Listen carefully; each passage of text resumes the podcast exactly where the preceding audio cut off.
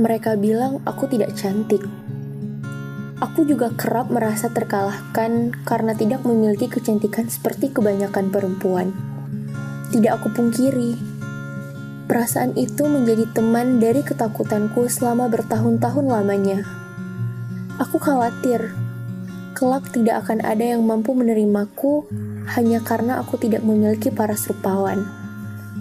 Ah, mungkin terdengar berlebihan bagi sebagian orang, tapi aku tahu betul bagaimana rasanya tersingkirkan karena jauh dari standar kecantikan. Perlahan, aku tersadar bahwa menjadi cantik bukan melulu tentang penampilan fisik yang menarik. Terlepas dari apa pun warna kulitnya, bentuk rambutnya, dan tinggi badannya, setiap perempuan cantik dan istimewa masing-masing memiliki kecantikan yang berbeda-beda. Dan hal itu membuat setiap perempuan berharga. Seiring berjalannya waktu, aku mengerti.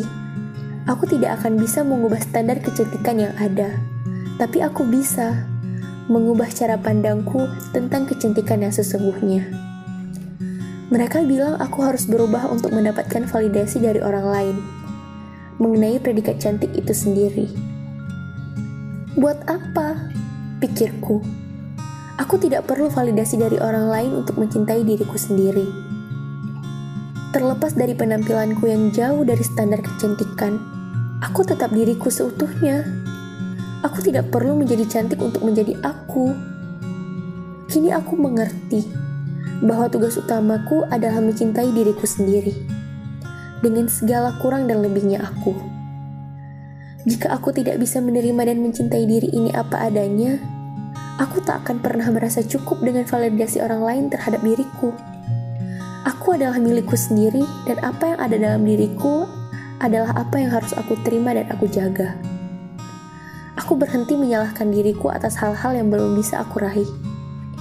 Aku berhenti membandingkan diriku dengan orang lain dan belajar untuk menerima segala yang ada dalam diriku seutuhnya.